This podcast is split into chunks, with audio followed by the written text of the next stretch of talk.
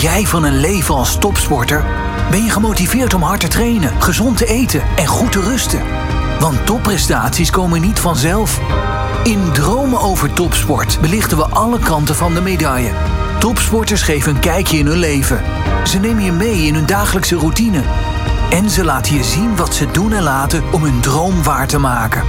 Welkom bij Dromen over Topsport. In deze podcastserie Powered by M-Line praten we met een topsporter over het zijn van topsporter. We krijgen een inkijkje in hun leven. Is het moeilijk om naar een topprestatie toe te werken en wat krijgen ze dan voor terug? Co-host Maartje Pauwme is aangeschoven en ik ben Krijn Schuitenmaker. Uh, Maartje, ja, topsporters, uh, dat spreekt jou natuurlijk aan hè, als ex-topsporter. En uh, het treft vandaag, want we hebben ook een ex-topsporter aan de lijn. Zo mogen we het wel zeggen, helaas niet in de studio. Dirk Kuyt. Goedemorgen. Ja, Maartje, ex-topsporters onder elkaar, hè, nu ook tegenover mij. Ja, superleuk. Heel benieuwd naar het verhaal van Dirk straks, dus kom maar op. Ja, Dirk, hoe, hoe zie jij jezelf? Uh, ja, gepensioneerd topsporter, uh, ex-topsporter. Hoe, zeg je dat, uh, hoe zeg je dat zelf eigenlijk? als je zelf voorstelt aan de mensen die je nog niet kennen. Dat zal heel weinig zijn, denk ik. Gepensioneerd klinkt wel heel erg, erg oud, moet ik zeggen. Maar ja, ex-voetballer, zeg maar. En die op weg is nou, hopelijk een mooi vervolg in de voetballerij. En uh, ja, ik heb de ambitie om uiteindelijk uh, trainer te worden. Ik heb mijn papieren heb ik nu inmiddels gehaald. Na een aantal jaar, normaal gesproken staat daar uh, drie jaar voor. Voor ja, ex-topspelers zoals ik. Alleen door de corona heeft dat ietsje langer geduurd. Ja, ik zit nu een beetje in een tussenfase op weg naar uh, ja, volgende fase in het, uh, in het voetbal. Maar ja, als, als topsporter ben je eigenlijk altijd bezig met je lichaam. En dat verandert eigenlijk niet uh, op het moment dat je stopt. Dus ja, vooral die overgangsfase van het elke dag trainen en je lichaam voorbereiden op topwedstrijden. Naar een leven waarin je niet meer die wedstrijden hoeft te spelen, maar nog wel je lichaam gewoon zowel fysiek als geestelijk fit wil houden dat is best wel een uitdaging. En dat zie ik ook wel bij, uh, bij ex-collega's. Ja. je zegt ik heb een diploma binnen. Is dat dan trainer-coach A of zo? Zo heette dat vroeger volgens mij. Hè? Mag je dan ook uh, eredivisieclubs uh, coachen? Je had vroeger de, de oefenmeesters en, en de, de coach betaald voetbaldiploma. en nu heeft het. ik heb dan UEFA A en UEFA Pro gedaan. En, en ja, als je geen voetbalachtergrond hebt dan eh, begin je meestal bij UEFA C, B, A en dan uh, Pro. Uh, maar omdat ik meer dan 100 uh, interlands had gespeeld en ook ja, veel betekenis in het Nederlands voetbal heb gehad, mocht ik bij A instromen. Dus dat is dan een cursus van een jaar. daarna geeft de KVB op dit moment aan dat, dat je ook een ervaringsjaar nodig hebt. Dus ik heb, het eerste jaar heb ik geassisteerd bij Quick Boys, jou wel bekend Krijn. Ja, en zeker. daarna twee jaar Feyenoord onder de 19 gecoacht in samenwerking met, de met, met de opleiding. Dus en dat was, ja, was heel goed. En ik ben nu klaar voor de volgende stap. Ja, uh, ik kijk even naar Maartje. Uh, jij bent ook aan het coachen. Hè? En dan de welbekende strafcorners zie ik je vaak voorbij komen uh, op social media. Hoe, is dat heel anders dan in het voetbal, zeg maar bij het hockey, als je coach wil worden? Nee, het is denk ik wel een beetje te vergelijken met wat Dirk vertelt. Als ik een beetje naar mezelf kijk, ben ik eigenlijk ook meteen aan mijn topsportcarrière begonnen als assistentcoach. Ik zit inmiddels nu in mijn vierde jaar. En in het hockey is het eigenlijk ook zo als je een aantal interlands gespeeld hebt of een heel aantal jaren ervaring in de hoofdklasse op het allerhoogste niveau van Nederland. Kun je zeg maar in de laatste cursus kun je instromen zeg maar, om, uh, om coach te worden. Dus ik denk dat dat wel een beetje vergelijkbaar is uh, in het hockey als in het voetbal. Ja. Dus uh, ja, ik, ik vind het ook. Ik, ik had meteen zoiets ook na het sport van ik, ik wil iets gaan doen in dat coachingsvak. Ja, super interessant om te kijken, zeg maar, eigenlijk van de andere kant van hoe het dan eigenlijk werkt. Ja, uh, je hebt natuurlijk al ervaring ook als coach, uh, Dirk. Uh, ook bij Feyenoord, hè, bij de jeugd ben, je, ben je coach geweest. Was dat een mooie jaar, een mooie periode om zeg maar, dat vak te proeven?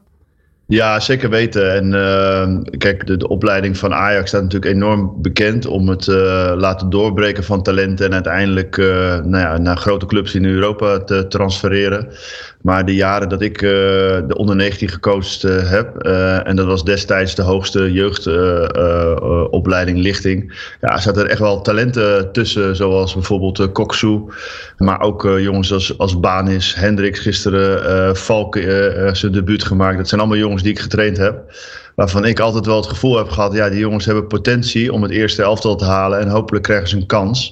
Dus het is mooi om te zien um, uh, ja, dat ze nu die kans onder de nieuwe trainer Arne Slot uh, hebben gekregen. Uh, en ik moet zeggen, Dick Advocaat, die no normaliter wat, met wat meer ervaren spelers werkt, heeft vorig jaar ook al behoorlijk wat spelers de kans gegeven, zoals Geertruida en Koksu destijds en Bijlo.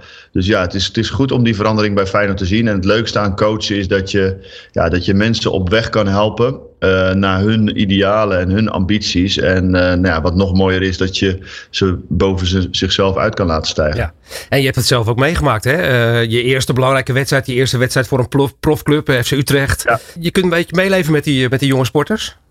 Ja, nou, ik denk dat Maartje dat wel kan beamen. Als je zelf gevoetbald hebt, dan weet je eigenlijk wat er gaat komen. Dus je weet hoe een speler zich voelt.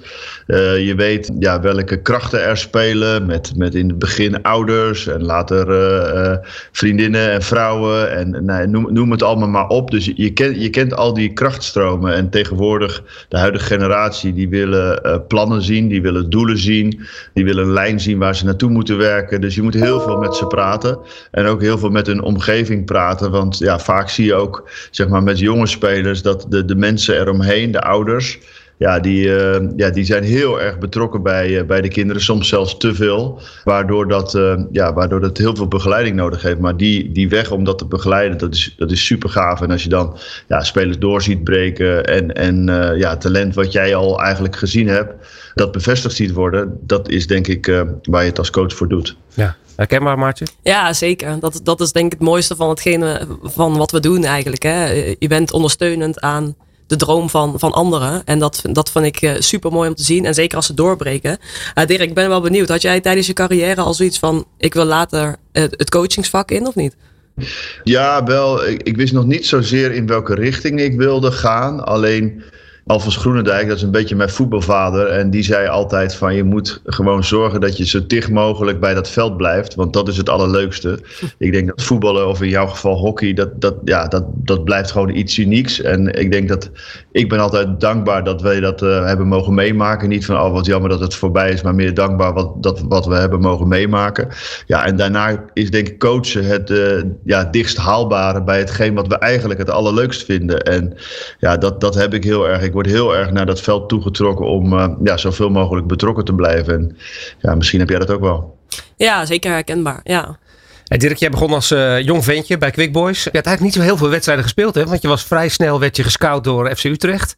En, en ik kan me toen nog een interview herinneren met iemand van FC Utrecht, of iemand uit de supporterskern, die zei van, nou, dit FC Utrecht zal wel op Dirk zijn eindstation zijn, zeg maar. Maar je hebt je toch, ik, ik kan me herinneren dat het daarna ook nog wel eens een paar keer gezegd is, als je weer bij een nieuwe club kwam. Maar toch heb je iedere keer ja, geknokt, je bent ervoor gegaan. En uiteindelijk, nou ja, je zei het net al, meer dan 100, 100 interlands gespeeld, 104. Heb je het iedere keer hetzelfde het beste uit jezelf boven weten te halen als je ergens bij een nieuwe club arriveerde, zeg maar?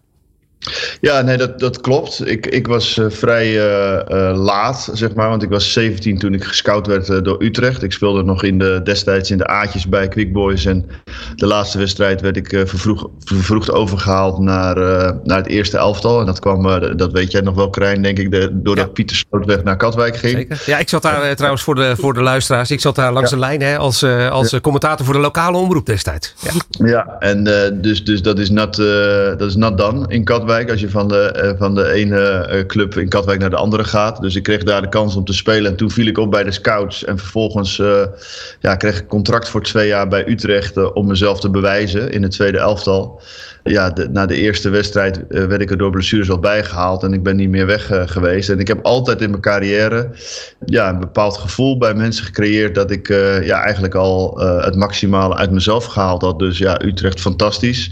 Maar ja, meer zit er eigenlijk niet in. En dat had ik bij Feyenoord. En, en van Feyenoord ging ik naar het Nel zelftal. Dat was te hoog gegrepen. Liverpool was eigenlijk veel te hoog gegrepen. En uh, ja, zelfs ook bij mijn terugkeer naar Feyenoord op het laatst uh, zeiden mensen ook van ja, uh, lekker, allemaal leuk dat hij terugkomt, maar het is veel te laat. En ja, hij denkt dat, hij, dat, dat, ze kampioen kunnen worden met Feyenoord, maar dat gaat ook nooit lukken. Dus mijn kracht was altijd om niet alleen mezelf te verbazen, maar ook, ja, ook de mensen om me heen. En ja, ooit nog wel eens met Hans van Breukelen dat, dat besproken, die destijds technisch directeur was, die mij eerst contract gaf bij Utrecht.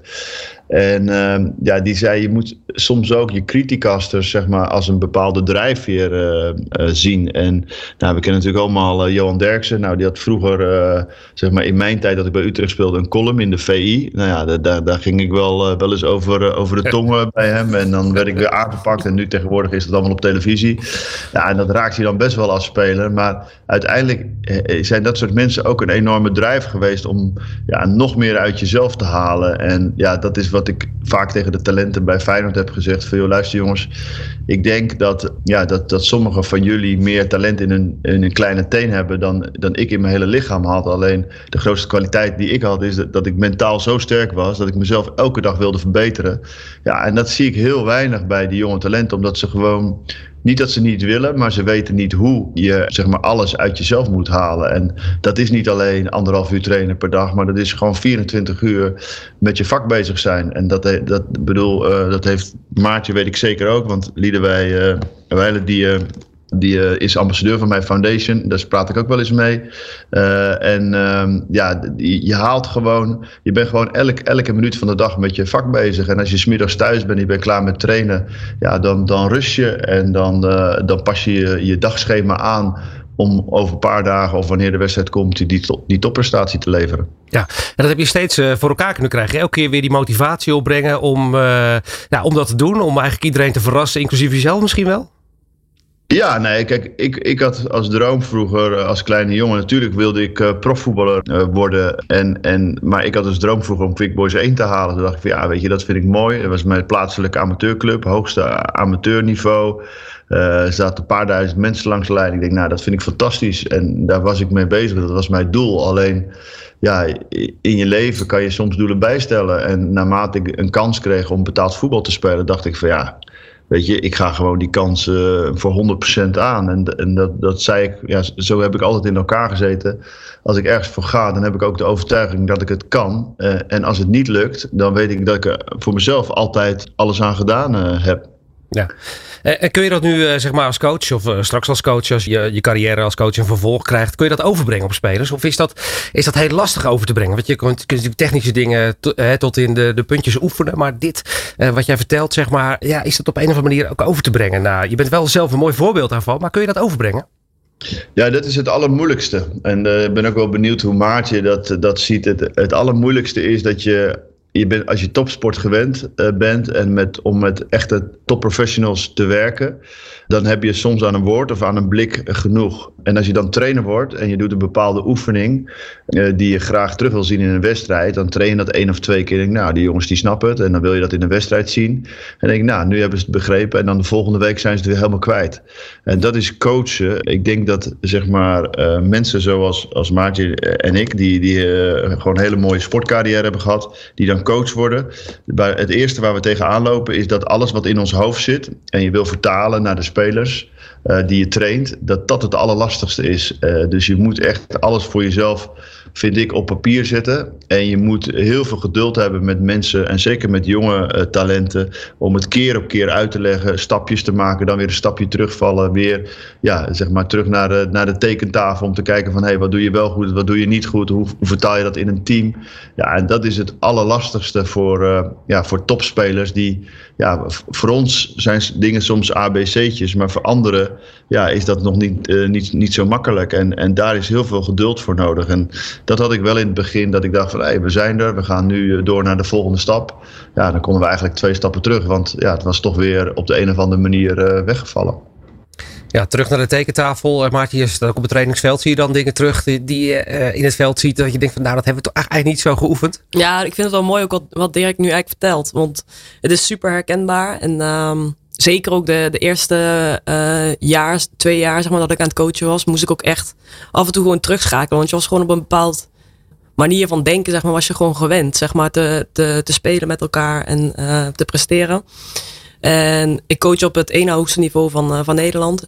Het mooie wat, wat Dirk zegt, weet je, als je een week bezig bent met bepaalde thema's, tactieken, gaat dat die week uh, perfect. Pak je de volgende week pak je iets anders aan. En dan denk je twee weken later weer van... hé, hey, we moeten weer een stapje terug wat we de week daarvoor hebben gedaan. En ja, wat je zegt, je hebt gewoon uh, ontzettend veel geduld nodig... en uh, inlevingsvermogen in de speelsters waarmee je werkt. Dus ik denk dat dat ook super belangrijk, een super belangrijk punt is. Geduld houden met die meiden. Ja, af en toe een beetje terugschakelen, denk ik. Ja, Dirk, even terug naar jouw carrière als, uh, als voetballer. Uh, ja, mooie dingen meegemaakt. Hè? Uh, Utrecht, Feyenoord, Liverpool, Fenerbahce. vervolgens weer terug bij, bij Feyenoord. maar ook Oranje is een beetje als een rode draad zeg maar, door jouw carrière heen gelopen, hè?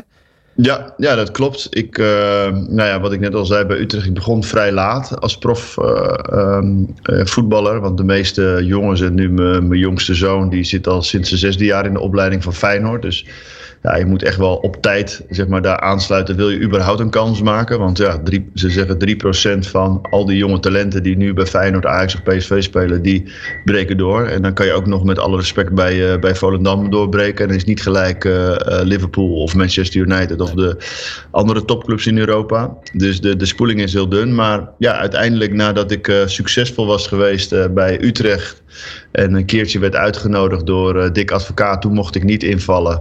Maar onder Van Basten ben ik uh, gedebuteerd. En uh, ja, heb ik denk ik een fantastische Nederlands elftal carrière gehad. En heel veel mooie eindtoernooien meegemaakt. Met 2010 en 2014 als absoluut hoogtepunt. Ja, kijk je daar met veel plezier op terug, zeg maar, die periode? Ik kan me ook voorstellen dat het voor een sporter... ja, voor ons is het makkelijk vanaf de, vanaf de bank. Hè, kijken wij naar, naar grote toernooien. Als sporter ben je natuurlijk ja, bezig met die ene wedstrijd die aankomt met dat toernooi, zeg maar. Is dat ook uh, nu een mooie herinnering achteraf, zeg maar? Want uh, ja, beleeft het heel anders, hè? Ik vond het echt fantastisch om uh, zeg maar tot de beste spelers van je land te behoren. En dan ben je vaak ja, het beste individu, maar om samen een heel hecht team te worden. Uh, en dat is volgens mij in het hockey nog wel, wel, wel, vaker dat je eindtoernooien speelt. Dat je echt op elkaar bent aangewezen. Dat je gewoon uh, ja, elke dag met elkaar bent. Dus je wordt eigenlijk een familie, zeg maar, met elkaar. En, en, en daarin uh, ja, heb je strubbelingen, heb je strijd, maar met één doel om het maximale ja, uit jezelf te halen. En ja, die eindtoernooien, en vooral in 2010 en 2014, dan stijg je niet alleen uh, als individu boven jezelf uit, maar ook als team. En je bent gewoon dag en nacht met elkaar aan het voorbereiden ja, op de belangrijkste wedstrijden van je leven. Uh, en niet alleen die van jezelf, maar ook die van je land. En ja, als je dat terugvertaald krijgt ook, weet je, dat we in 2010 terugkwamen door de grachten gingen. Of ja, in, in, in Brazilië dat de stadions vol zitten. En als je terugkomt in Nederland dat de mensen trots zijn. Ja, dat is, dat is geweldig. Dat was voor mij een geweldige ervaring. En Nel zelf al heb ik uh, ja, als enorm plezierig ervaren. En natuurlijk, ja, je bent soms zes tot acht weken van huis. Hè, van je familie en van je vrienden vandaan. Maar ja, het was het mij alles waard. Uh, Maarten, je hebt het natuurlijk meegemaakt bij Nederland zelf al hockey.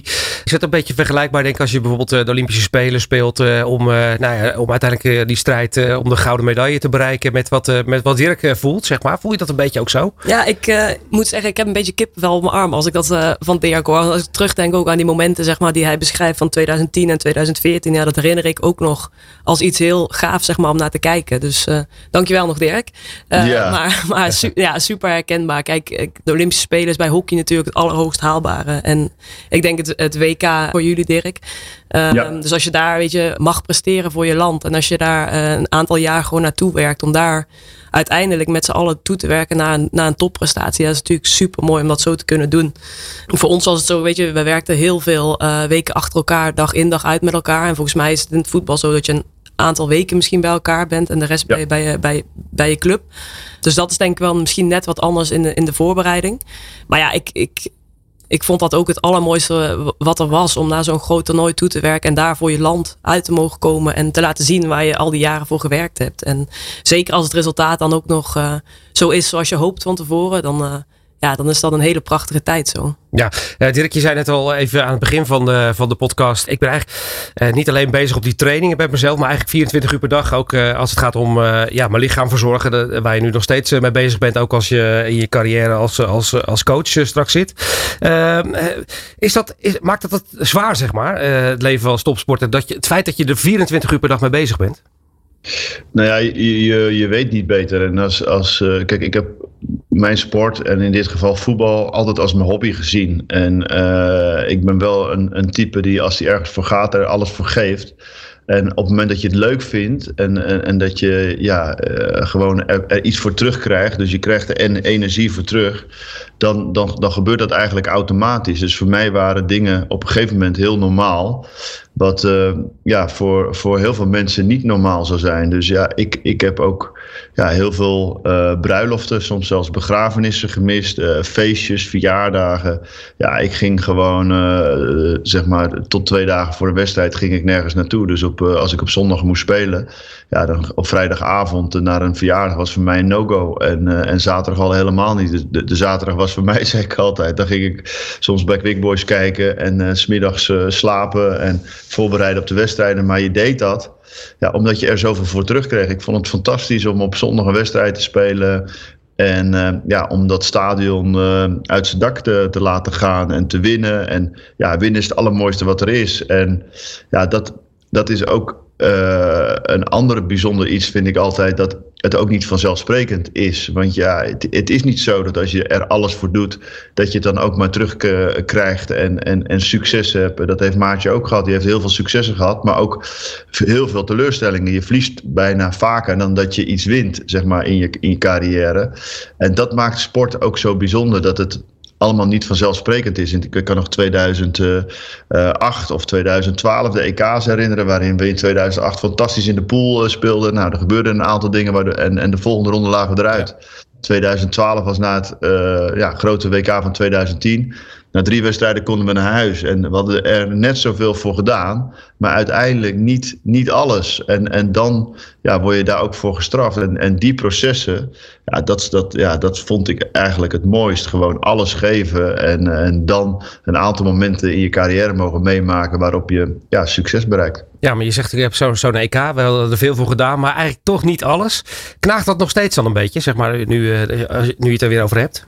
Nou ja, kijk, uiteindelijk zeg maar 2008 heeft ervoor gezorgd dat we in 2010 net een stapje verder konden gaan. En natuurlijk, weet je, eh, de finale was het mooiste, maar een finale verliezen is ook het allerergste wat er is. Alleen als je kijkt naar wat we hebben bereikt met elkaar, dan is dat wel uniek voor een, een land, eh, een voetballand als Nederland. Nou ja, in 2012 ja, waren, waren we gewoon geen team. Hè? Hadden we te veel ego's in het team? Waren de, uh, ja, waren de lijnen niet duidelijk bepaald? Ook in het elftal niet. En gingen spelers iets te veel voor zichzelf? Ja, en dan, dan een, heel klein detail kan een groot verschil maken. Maar ja, die, uh, die strubbelingen die we hadden in 2012 hebben we aan het begin van het proces naar 2014 met de nieuwe bondscoach Van Gaal gelijk uitgesproken. En dat was gelijk ook de kick-off start om, uh, om er met z'n allen weer vol voor te gaan. En daardoor waren we echt een heel erg team. Uh, waar we in 2014 spelers hadden. Ja, die, die voor het eerst op een WK stonden. Die nog niet zo heel veel ervaring hadden. Buiten jongens uh, als, als Robben, uh, Snijder en Van Persie. Maar toch ook weer het maximale eruit hebben gehaald. En dat zijn ja, hele mooie ja, levenslessen, wil ik het bijna noemen. Ja. Uh, je zegt uh, als voetballer ben ik uh, top geprepareerd. Hè? Je bereidt je echt heel goed voor op die ene wedstrijd. Hoe gaat het met, met druk van buitenaf? Ik kan me voorstellen dat het bij het voetbal toch wel enorm is. pers, fans, oranje gekte. Dat het iets met je doet. Ja, ja, in, uh, in, in, ja, ik weet niet hoe Maartje dat beleefde en in hoeverre zij ook druk hebben van pers en media. Maar wij zeiden altijd tegen elkaar dat we de tunnel in gingen. En wij sloten ons bijna letterlijk af voor, uh, ja, voor, alle tele televisiezenders of alle praatprogramma's die iets te vertellen hadden omdat we heel erg de focus bij onszelf uh, wilden houden. Maar natuurlijk krijg je altijd dingen mee. En dan had weer een, een ouder of een, uh, een vrouw van een van de spelers iets gezegd. En ja, het raakt je altijd. Kijk, uh, als je zeg maar 15 eh, miljoen Nederlanders hebt, dan, dan zullen er 14,9 miljoen heel erg positief zijn. Misschien wel meer. Alleen die paar die negatief zijn, ja, die, die zorgen toch voor een heel vervelend gevoel. En daar moet je mee om proberen leren te gaan. En in mijn geval is dat heel erg stapsgewijs geweest. Ik, ik begon bij Utrecht. Nou ja, uh, ik had een contractje voor de tweede. En langzaam krijg je kritiek, zeg maar, op, op jezelf, op je team, op je resultaten. En op het moment dat het zeg maar puur voetbaltechnisch is, dus als iemand een mening heeft over jou als, ja, als voetballer, ja, kan je dat wel makkelijk dragen. Op een gegeven moment uh, was ik daar wel immuun voor, kan ik zeggen. Maar wanneer het persoonlijk wordt uh, en, en wat, wat, wat meer respectloos, ja, dat vind ik altijd wel heftig. En, en daar weet je eigenlijk nooit aan. Tenminste, ik niet. En, en ik bedoel, er zijn heel veel spelers uh, die zeggen van ja, het doet me helemaal niks. Maar het doet je altijd iets. Alleen ja, in hoeverre kan je ermee omgaan om soms dingen gewoon letterlijk van je af te laten glijden. Ja, want wat heb je daar last van, zeg maar, gehad ook tijdens je carrière? Dat je toch denkt, het knaagt toch ietsje, het blijft op de achtergrond een beetje zeuren, dat gevoel, zeg maar? Ja, nou wat ik zei van mensen hebben mij vaak wel afgeschreven. En ik kan bijvoorbeeld ja, nog wel uh, in, volgens mij was het 2010, ging het over de grote vier. En, en iedereen zei van, ja, van Persie, uh, Snijder, Van der Vaart en Robben, die gaan spelen. Nou, dat zijn toevallig uh, drie aanvallers en een aanvallende middenvelder. Ja, als je dan kijkt naar een voetbalbasisopstelling, ja, dan was er geen plek voor mij. En, en zo werd ook aan het begin van dat toernooi geschreven. Ja, dat geeft dan ook wel weer een boost. Want ja, het waren ook niet de minste spelers. Alleen ik wist hoe belangrijk Van Marwijk mij vond in het elftal ja, als, als, als speler, zeg maar. Uh, en, en, en, en hij stelde mij vaak als eerste op. Maar ja, die kritiek hebben mij wel weer geholpen. Maar wanneer het, ja, wanneer het wat, wat, wat, wat ruw wordt. En dat is tegenwoordig in het voetbal steeds meer. Het is niet van uh, ja, uh, de, deze speler, ja, Memphis Depay, ja, zat niet zo lekker in de wedstrijd. Daar kwam er niet uit. Maar er wordt vaak van alles bijgehaald. dan zijn het weer zijn tatoeages, dan zijn manier van kleden. En dan ligt het weer daaraan. En dat vind ik wel eens jammer. Dat we ja, dat we op deze manier uh, ja, de spelers uh, vaak proberen neer te zetten. Want hoe meer je over een speler zegt, uh, des te meer ja, bekendheid of publiciteit krijg je vaak als journalist. Ja, Maartje, je had, uh, Dirk had het net over de tunnel, zeg maar. Ervaar dat ook zo, zeg maar? Uh, die tunnel die jullie met die hockeyvrouwen ingingen op weg naar een uh, groot toernooi? Ja, dat deden wij, dat deden wij ook wel echt. dat spraken ook af als team, zeg maar. Dus dat, zeker na de Spelen van Londen hebben we dat gedaan. Ook na het WK in Den Haag in 2014. Dat we echt met elkaar ook gewoon de social media afsloten en zo weinig mogelijk probeerden te lezen. En kijk, in het hockey is het echt minder dan in het voetbal natuurlijk. Uh, maar op zo'n spelen wordt er natuurlijk ook veel gevonden en veel geschreven.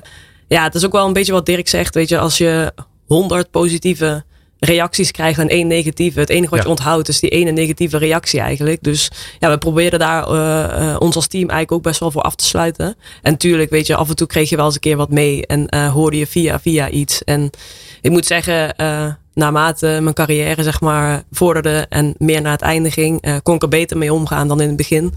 Um, maar ja, dat, dat hou je toch. En het is, uh, het is vervelend. Maar ja, je moet er toch als sporter mee omgaan. Want ja, het land vindt er nou eenmaal iets van. Ja. En dat is, ja, daar, daar moet je mee leren leven, zeg maar. Ja. Heb je dat ook gehad met uh, transfers, Dirk? Daar ben ik altijd zo benieuwd naar. Uh, stel het Nederlands zelf ook komt bij elkaar. En er speelt er iets met een speler. En die zegt van ja, ik sluit me daar eigenlijk voor af. Mijn zaakwaarnemer regelt het. Of ik pak het na het EK of WK weer op. Hoe, hoe gaat zoiets? Ik vind het altijd een beetje, beetje schimmig. Zo'n zaakwaarnemers die dan achterkamertjes stiekem op het vliegtuig stappen zeg maar. Uh, hoe, hoe ben je er als speler mee bezig? Want het heeft toch wel behoorlijk wat impact, denk ik, op jezelf, op je toekomst ook. Ja. Nou ja, ik heb in 2006 heb ik, uh, een situatie meegemaakt dat ik in voorbereiding was op het WK. En 2012 uh, dat ik wegging bij, uh, bij Liverpool. Ja, weet je, kijk, dat is ook. dus zeg maar de tunnel ingaan om uh, uh, zeg maar uh, wars te zijn van kritiek of de kritiek niet zo, zo min mogelijk bij je te laten komen. Ja, zo heb je natuurlijk ook een, een, een tunnelvisie, een focus om een prestatie te leveren. En je kan je voorstellen dat op het moment dat jij, uh, ik speelde destijds in 2006 bij Feyenoord. En ja, Liverpool die meldt zich tijdens een toernooi. Ja, weet je, in het voetbal en waarschijnlijk ook in het hockey of welke sport dan ook. Wanneer er een deal gedaan wordt, het gaat niet over één nacht ijs. Uh, en, en dat zei Jurgen Klopp uh, bij mijn club Liverpool laatst. Van ja, we willen graag het contract van Salah verlengen. Maar dat doen we niet met, dat, dat, gaan we niet voor elkaar krijgen met een kopje thee, zeg maar.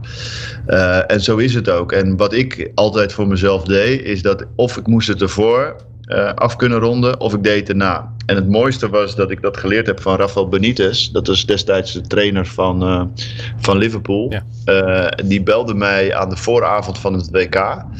En nou, ik wist totaal niet wie die was. Of tenminste, wie het was toen de, toen de telefoon ging. Natuurlijk wist ik wel dat hij de trainer van Liverpool was. Want ze hadden net de Champions League gewonnen.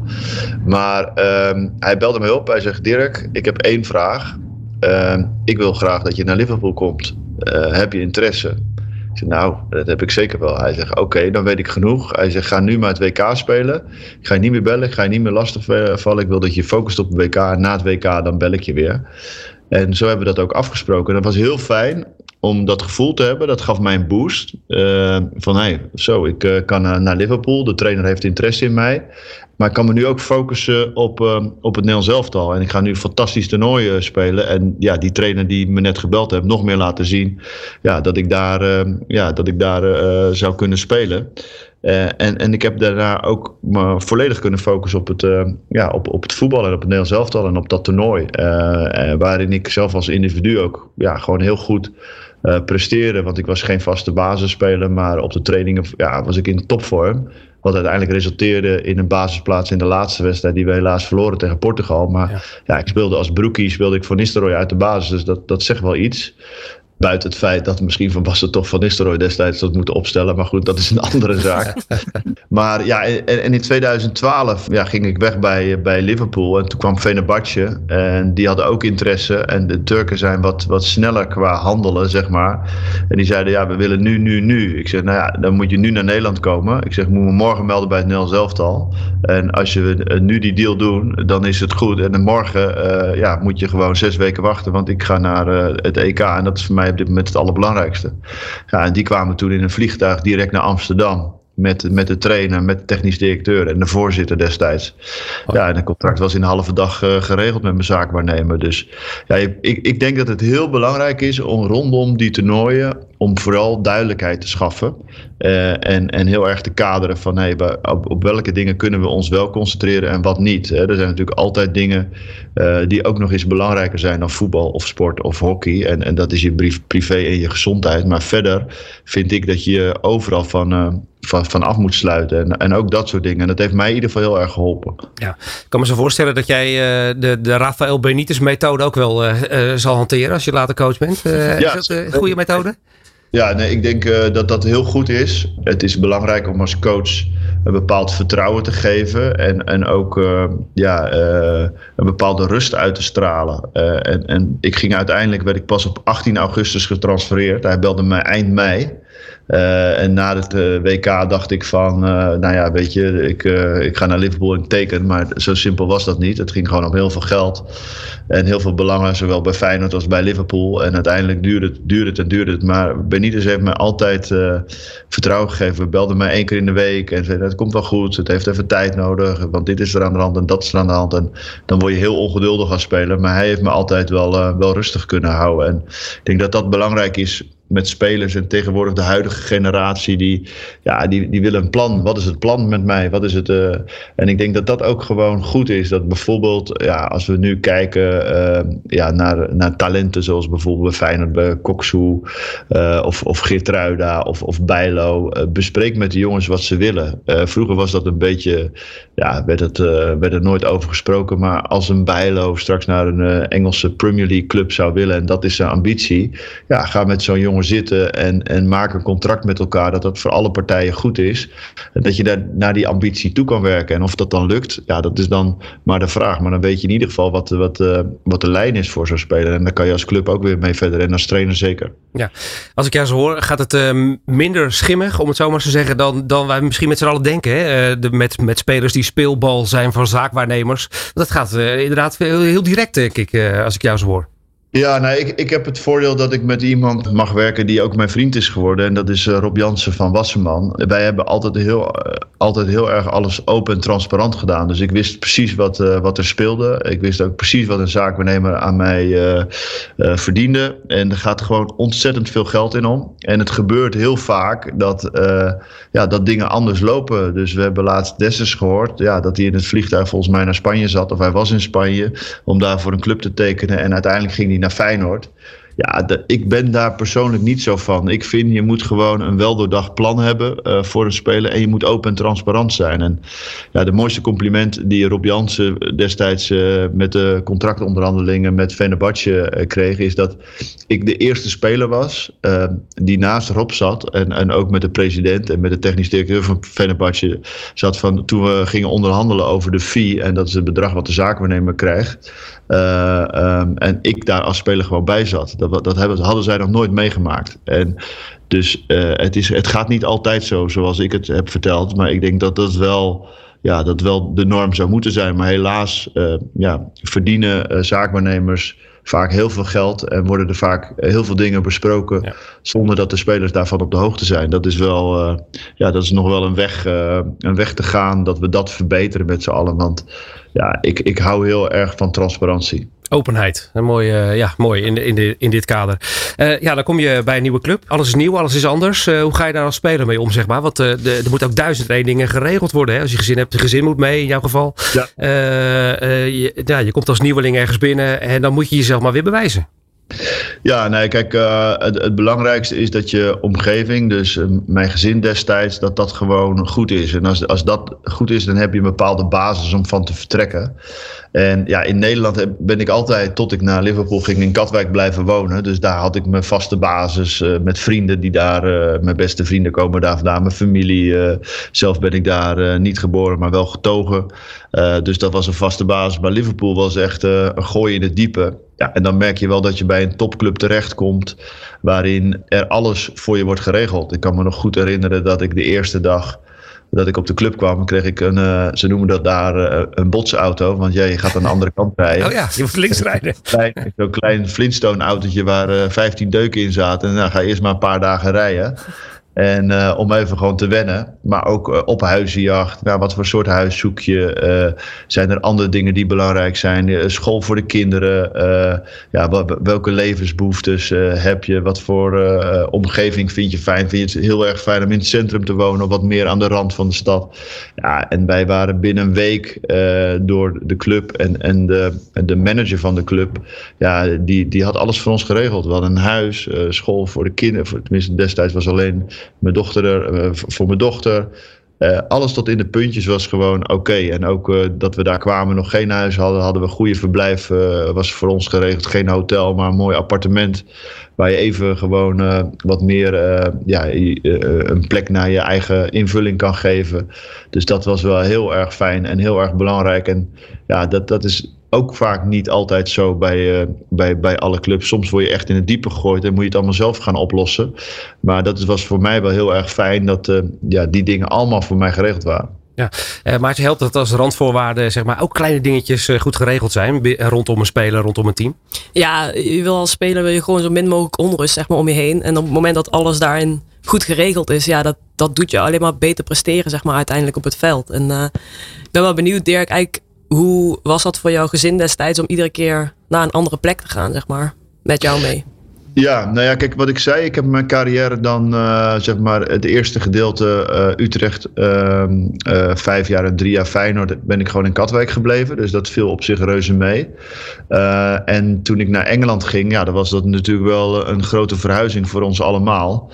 Alleen ja, weet je, mijn gezin wist ook, mijn kinderen wisten niet beter dan dat dat gewoon ja, erbij hoorde. Dus ja, als, als papa zei dat hij naar uh, Fenerbahce ging, ja, dan pakte iedereen zijn spullen in en dan gingen ze mee. Dat is best wel bewonderingswaardig dat dat zeg maar zo op die manier eh, gegaan is. En dat dat voor hun dan ook ja, als normaal voelde. Terwijl ik achteraf in mijn carrière echt wel uh, het gevoel heb gehad van ik heb best wel abnormale dingen gedaan en alles om het maximale uit mijn carrière te halen. En niet alleen ik, maar ook mijn omgeving. En uh, ja, ja, en nu zijn mijn kinderen alle vier tieners geworden, dus heb je wat meer uh, gesprekken ook. Ja, en als we dat daarover hebben, of over de tijden dat ze bijvoorbeeld in Istanbul gewoond hebben of in Liverpool, ja, hebben ze het als een hele mooie ervaring gezien en eigenlijk nooit op die manier daar zo last van gehad. Dus dat vind ik wel ja, dat vind ik wel uh, grappig eigenlijk. Mooi. Je hebt met, uh, bij al die clubs waar je gespeeld hebt uh, ook veel dingen gezien. Hè? Ik hoorde laatst bij, bij de Spurs dat de mayonaisefles gewoon nog op tafel stond in de, in de kantine waar de spelers een broodje eten. heb je nog gekke dingen meegemaakt? Dat je zegt van nou, dat vond ik wel heel verrassend na een transfer. Dat je daar binnenkomt en hè, als frisse, met een frisse blik en je denkt van hé, hey, dat is toch wel heel anders dan ik gewend was. Ja, nou, kijk, de topclubs worden steeds professioneler. Alleen je ziet zeg maar topclubs in wording. En kijk, Spurs is, uh, nee, hou me te goede, een hele grote club. Alleen soms uh, vervallen er wel eens dingen. En, en, en dat beseffen mensen niet. Dat het kleinste detail kan het grootste verschil maken in sport. En uh, nou, als je dan nu bijvoorbeeld bij Liverpool kijkt. Daar, daar hebben ze gewoon een voedingsspecialiste. die zeg maar op elke speler een individueel maatwerk heeft gemaakt. Dus die gaat met die spelers zitten, uh, die zorgt dat ze een voedingsplan hebben, dat ze de juiste voeding binnen, binnenkrijgen. Na de wedstrijd uh, is er ook een restaurant in het stadion waar spelers kunnen eten. Maar bijvoorbeeld uh, ja, als spelers nog geen gezin hebben of geen vrouw of nog alleen zijn en jong zijn, dan gaan er gewoon koks vanuit die ook in het, op het trainingscomplex werken. Die gaan s'avonds naar de spelers toe. Wordt er voor de spelers gekookt, omdat het ja, in hun optiek super belangrijk is dat, dat, dat ze op de juiste manier eh, voeding binnenkrijgen. En ja, dat wordt wel eens onderschat. Uh, kijk, vroeger was het gewoon lekker een paar keer in de week trainen en op zaterdag voetballen en alles was normaal. Maar ja, voetbal is ook echt topsport geworden. En daarbij hoort ook een professionaliteit qua, qua voeding bij. En ja, bij Liverpool in mijn periode was dat heel goed. Bij Fenerbahce ook. Toen ik terugkwam bij Feyenoord ja, heb ik toch wel uh, een paar keer achter mijn oren gekrapt van hé, hey, er kunnen een aantal dingen kunnen echt wel anders. En dan, ja, dan heb ik het niet over het broodje kroket van uh, Michiel Kramer uh, of, of ketchup op mayonaise, maar gewoon puur ja, echt met je vak bezig zijn om de juiste voeding binnen te krijgen. Ja. ja, nu is deze podcast uh, powered by M-Line. Daar hebben we het ook even over slapen. Hè? Uh, hoe belangrijk is dat, zeg maar, die arbeids-rustverhouding? Want ik weet dat van, uh, van spelers alles wordt gemonitord zo ongeveer. Maar op het moment dat je naar huis gaat, richting je appartement of huis, ja, dan ben je echt een beetje uit beeld van de club. heb je dan een bepaald slaappatroon of wat dan ook? Of heb, krijg, je, krijg je advies mee? Nou ja, dat, is, dat, dat vind ik wel. Uh, kijk, het is een mooi onderwerp. En inderdaad, uh, M-lijn is mij zeker wel bekend. ik slaap er ook heel erg lekker op, moet ik zeggen.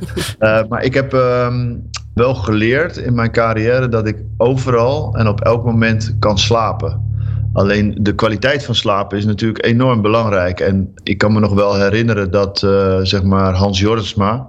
Uh, ook wel bekend in de hockeywereld, uh, Maartje, volgens mij. Uh, ja, dat was echt de beste teammanager die ik ooit heb gehad. Maar die ging jaren van tevoren. ging die zeg maar al naar de locaties waar de eindtoernooien gehouden gingen worden. Dus Brazilië of Zuid-Afrika. En dan ging hij naar de hotels. En een van de ja, dingen die voor hem heel erg belangrijk waren, waren de bedden en, en niet te vergeten de matrassen waar je op ligt. Want rust is zo enorm belangrijk in, in sport, in topsport en zeker ook in het voetbal. Want je reist ook nog eens een keer heel veel. En, en niet alleen zeg maar uh, uh, s'avonds zeg maar de nachtrust. Maar ook ja, ik sliep in, in, in mijn tijd dat we WK's en EK's speelden. Of bij Liverpool twee keer in de week competitie en Champions League.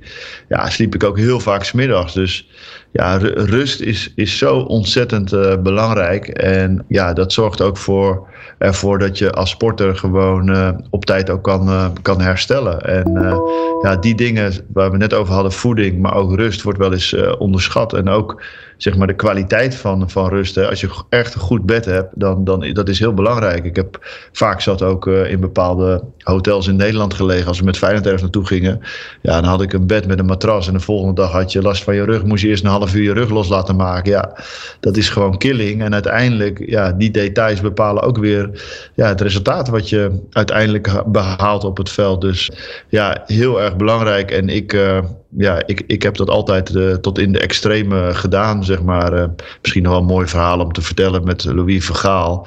Die zei van, ja, weet je, ik wil gewoon dat de spelers niet langer dan anderhalf uur s middag slapen. En toen had ik, met, met Vergaal mag je wel discu discussiëren, maar je moet wel hele goede ja, argumenten Goed reis komen, ja. ja. Ja, je moet goede argumenten hebben. En ik zei even, maar trainer, we hebben echt smiddags twee uur rust nodig. Maar ja, dan gaan mensen langer dan anderhalf uur slapen. Ik zeg, trainer, zeg, we hebben smiddags lunch, dan kom je op je kamer. Dan wil je even een kwartiertje naar huis bellen. Je wil misschien nog heel even een serietje kijken. En dan slaap je een uur en een kwartier en maximaal anderhalf uur. Dus die twee uur rust is gewoon prima. Uiteindelijk kregen we daardoor ook van hem die twee uur rust. Dus wat was echt Maar ja, die, die uurtjes die zijn, ja weet je, uh, zegt altijd, die tellen ook dubbel. En als je dat op een goed bed kan doen, met een goed matras ja, dat, dat, dat zijn ook weer dingen die het verschil kunnen maken. Mooi, ja. En, eh, en, en bij Nederland zelf hadden ze dat goed door met eh, Hans Jorisma. Ja, nou, ik, ik, ik, bedoel, ik ga niet over romantiseren dat dat uh, M-lijn matrassen waren. Maar in ieder geval van die kwaliteit. En ik slaap al behoorlijk lang op M-lijn matrassen. En ik weet ook nu dat ze volgens mij die matrassen hebben voor, voor sporters als ze gaan reizen. Dat ze dat mee kunnen nemen en op hun bed kunnen liggen. Maar het is, het is echt ja, niet overdreven. Ik vind het echt van essentieel belang. Elk klein detail ja, maakt gewoon een groot verschil. Net zoals je na een wedstrijd gelijk moet eten om te zorgen dat je lichaam herstelt. Ja, geeft een, goede nachtrust ook weer een, een extra boost aan het herstel van het lichaam. En ja, in Nederland zeuren wij nog wel eens van ja, en dan, dan kijk ik nog wel naar, naar het hockey. Maartje, jullie spelen volgens mij veel meer en trainen volgens mij veel harder dan dat wij dat vroeger deden. Maar je kan gewoon prima om de drie dagen spelen. Alleen je zult wel gewoon hele goede voorzorgsmaatregelen moeten nemen. En daarin, ja, voeding en rust zijn daar uh, ja, van essentieel belang. Ja, dat heb je ook in het hockey. Een teammanager die eh, er bovenop zit, arbeidsrustverhouding. Ja, dat was ook, ook zeker uh, de laatste jaren. Dat is in het hockey ook steeds professioneler geworden. En uh, wat Dirk vertelt, uh, dat gebeurde bij ons ook wel. Weet je, van, kijken in hotels wat voor bedden er waren. En desnoods gingen er matrassen mee. Dus ja, dit, is gewoon mega belangrijk. alles om, om de sport heen. Dus de voeding, de rust, goed materiaal. Eigenlijk alles wat, wat nodig is om goed te presteren. Ja, daar, daar moet je gewoon ja, 24-7 mee bezig zijn. Dat alles in orde is. En zo kunnen je prestaties uiteindelijk alleen maar top zijn. En ik was ook, zeker naarmate ik wat ouder werd, uh, werd ik ook steeds professioneler in hoe ik met mijn sport omging en wat ik ervoor deed. En um, dat het ook steeds uh, meer in je gedachten zat van dat het belangrijk was dat je die dingen goed op orde had. En toen ik net bij het Nederlands elftal kwam, toen ik 18, 18, 19 jaar was, was ik me echt niet zo bewust van het goede slapen en tussen de middag rusten en uh, goed eten. Dat kwam eigenlijk pas ja, naarmate je daar veel meer mee bezig was. En um, ja, je ook aan je lijf ging voelen, zeg maar. Dat die dingen dus ook gewoon super belangrijk zijn. Ja, uh, Dirk, jij neemt uh, die ervaringen mee, hè, die je hebt uh, gehad als speler richting je carrière als coach. Je, hebt, je zei net aan het begin van, ik heb mijn diploma inmiddels binnen. Hoe ziet jouw toekomst eruit? Ben je met iets bezig waarvan je zegt van, nou, dat gaat, het gaat de goede kant op? Of ik heb een idee over mijn toekomst? Ja, nee, ik, ik, uh, wat ik al zei, door corona is, is zeg maar die cursus uh, wat langer uitgelopen dan, uh, ja, dan in eerste instantie de bedoeling was. Ehm, mijn intentie is om eh, bij een leuke, ambitieuze eh, club het liefst in Nederland aan de slag te gaan. er zijn wel wat, ja, er is wel wat belangstelling geweest, met name buitenland en ook wel wat in Nederland, maar nog niet dat wat ik, uh, wat ik zoek. Want ik denk dat het als beginnend trainer enorm belangrijk is om, om, om juiste stappen te maken. Om, uh, ja, om ook uh, voldoende potentie te zien om je verder te kunnen ontwikkelen als coach. Want coachen is ook een ervaringsvak. Je moet gewoon heel veel vliegenuren maken. Maar ja, wel zorgen dat, dat als je ja, drie wedstrijden aan het vliegen bent, dat je niet ontslagen wordt. Want dan wordt het lastig voor, voor een trainer. dus ja, ik wacht op het juiste moment. En het liefst als hoofdtrainer. maar ja, aan de andere kant denk ik wel dat het belangrijk is om inderdaad die vlieguren te blijven maken. Dus als, als niet die, uh, die trein nog niet voorbij komt, ja, dan sta ik ook open voor, uh, voor het assistentschap. Want ja, ik wil gewoon op het veld staan en me daar ontwikkelen. En van daaruit uh, ja, ook weer mensen te laten zien ja, wat ik in mijn mars heb. Niet alleen ja, dat ik dat als speler altijd heb kunnen doen, maar ook als trainer denk ik dat ik ja, wat toe te voegen heb in, in de wereld van het voetbal. met als hoofdambitie om ja, jonge, jonge spelers ja, boven zichzelf uit te laten stijgen. En ja, hun, uh, hun een klein beetje mee te helpen aan een hele mooie carrière.